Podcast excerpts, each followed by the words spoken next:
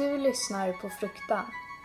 Kaleidoskop är skriven av Eira A. Ekre och inspelad av författaren.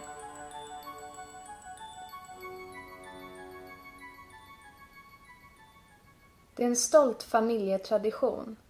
Den typen av målsättning man inte kan prata med utomstående om. För hur förklarar man i kyrkan att Gud ser världen som ett kaleidoskop? Att Gud talar surrande monotont och flyger på sköra vingar? Hur avslöjar man i biktstolen att man bär tusentals ägg i kjoltygen? Svaret är enkelt. Det gör man inte.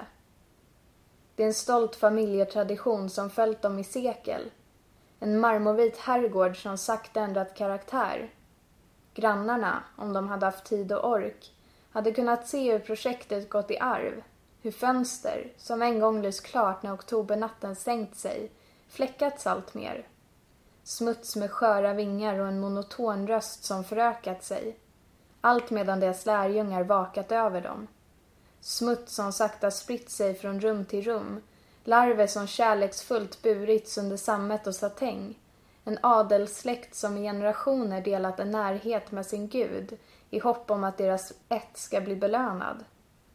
Om grannarna hade brytt sig om sina medmänniskor, om de hade lyssnat varje sen kväll då industrierna tystnat, då hade de hört surrandet. De hade hört Guds röst och hur den växt allt starkare i åratal. De hade vetat att dagen närmat sig och de hade varit beredda på nästa steg. Men grannarna är grannar, människor med egna liv som inte bryr sig om vad som sker bakom gardiner av levande smuts. De märker inte hur husgrunden knakar och hur surrandet stiger tills det får nejden att bäva. De märker inte att Gud nedstiger på jorden för att svepa med sig sina trogna till skyarna. De märker inte hur herrgården intill försvinner i ett mörkt moln. Veckor passerar innan de vågar sig över gärdsgården, innan de börjar söka efter ett ljud de aldrig riktigt hört. De finner rester av en existens, lite bråte här och var, som om familj och hus flugit sin väg. Och ingen vet vad som har hänt. För hur hade de kunnat förklara att Gud ser världen som ett kaleidoskop?